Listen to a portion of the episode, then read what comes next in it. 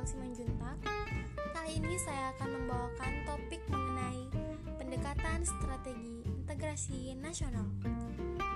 Sebelum kita mengetahui apa saja pendekatan yang berpengaruh terhadap integrasi nasional, kita harus tahu nih terlebih dahulu apa itu definisi integrasi nasional. Integrasi nasional merupakan usaha serta proses mempersatukan perbedaan yang terdapat pada suatu negara hingga terciptanya keserasian serta keselarasan secara nasional. Nah, sekarang kita akan membahas strategi apa saja yang berpengaruh terhadap integrasi nasional. Yang pertama, adanya ancaman dari luar. Kira-kira mengapa ya adanya ancaman dari luar dapat membentuk integrasi nasional?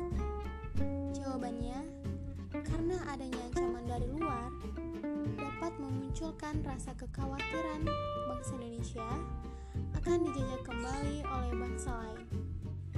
Hal ini pula mengandung nilai positif untuk mewujudkan integrasi nasional karena menyebabkan bangsa Indonesia menyadari persatuan dan kesatuan menjadi senjata kuat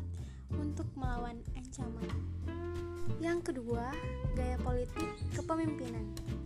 Seperti yang kita ketahui, bangsa Indonesia adalah bangsa yang memiliki keberagaman suku, ras, budaya, dan agama, sehingga bangsa ini sering dihadapkan pada tantangan untuk menyatukan keragaman kelompok yang ada.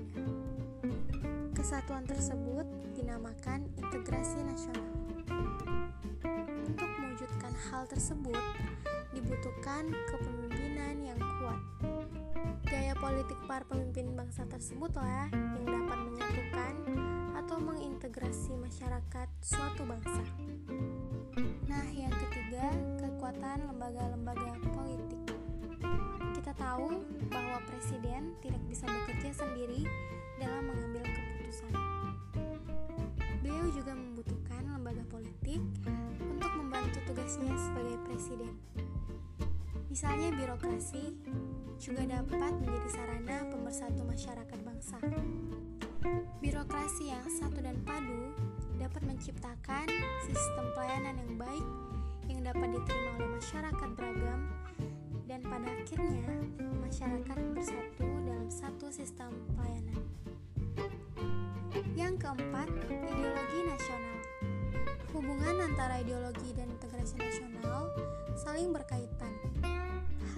Didasarkan pada eksistensi ideologi yang memang dimaksudkan untuk mempersatukan dan menggerakkan masyarakat secara politis maupun ideologis. Hal tersebut telah terintegrasi di bawah perlindungan ideologi nasional, yakni Pancasila. Pancasila berfungsi juga sebagai acuan bersama dalam memecahkan perbedaan serta pertentangan politik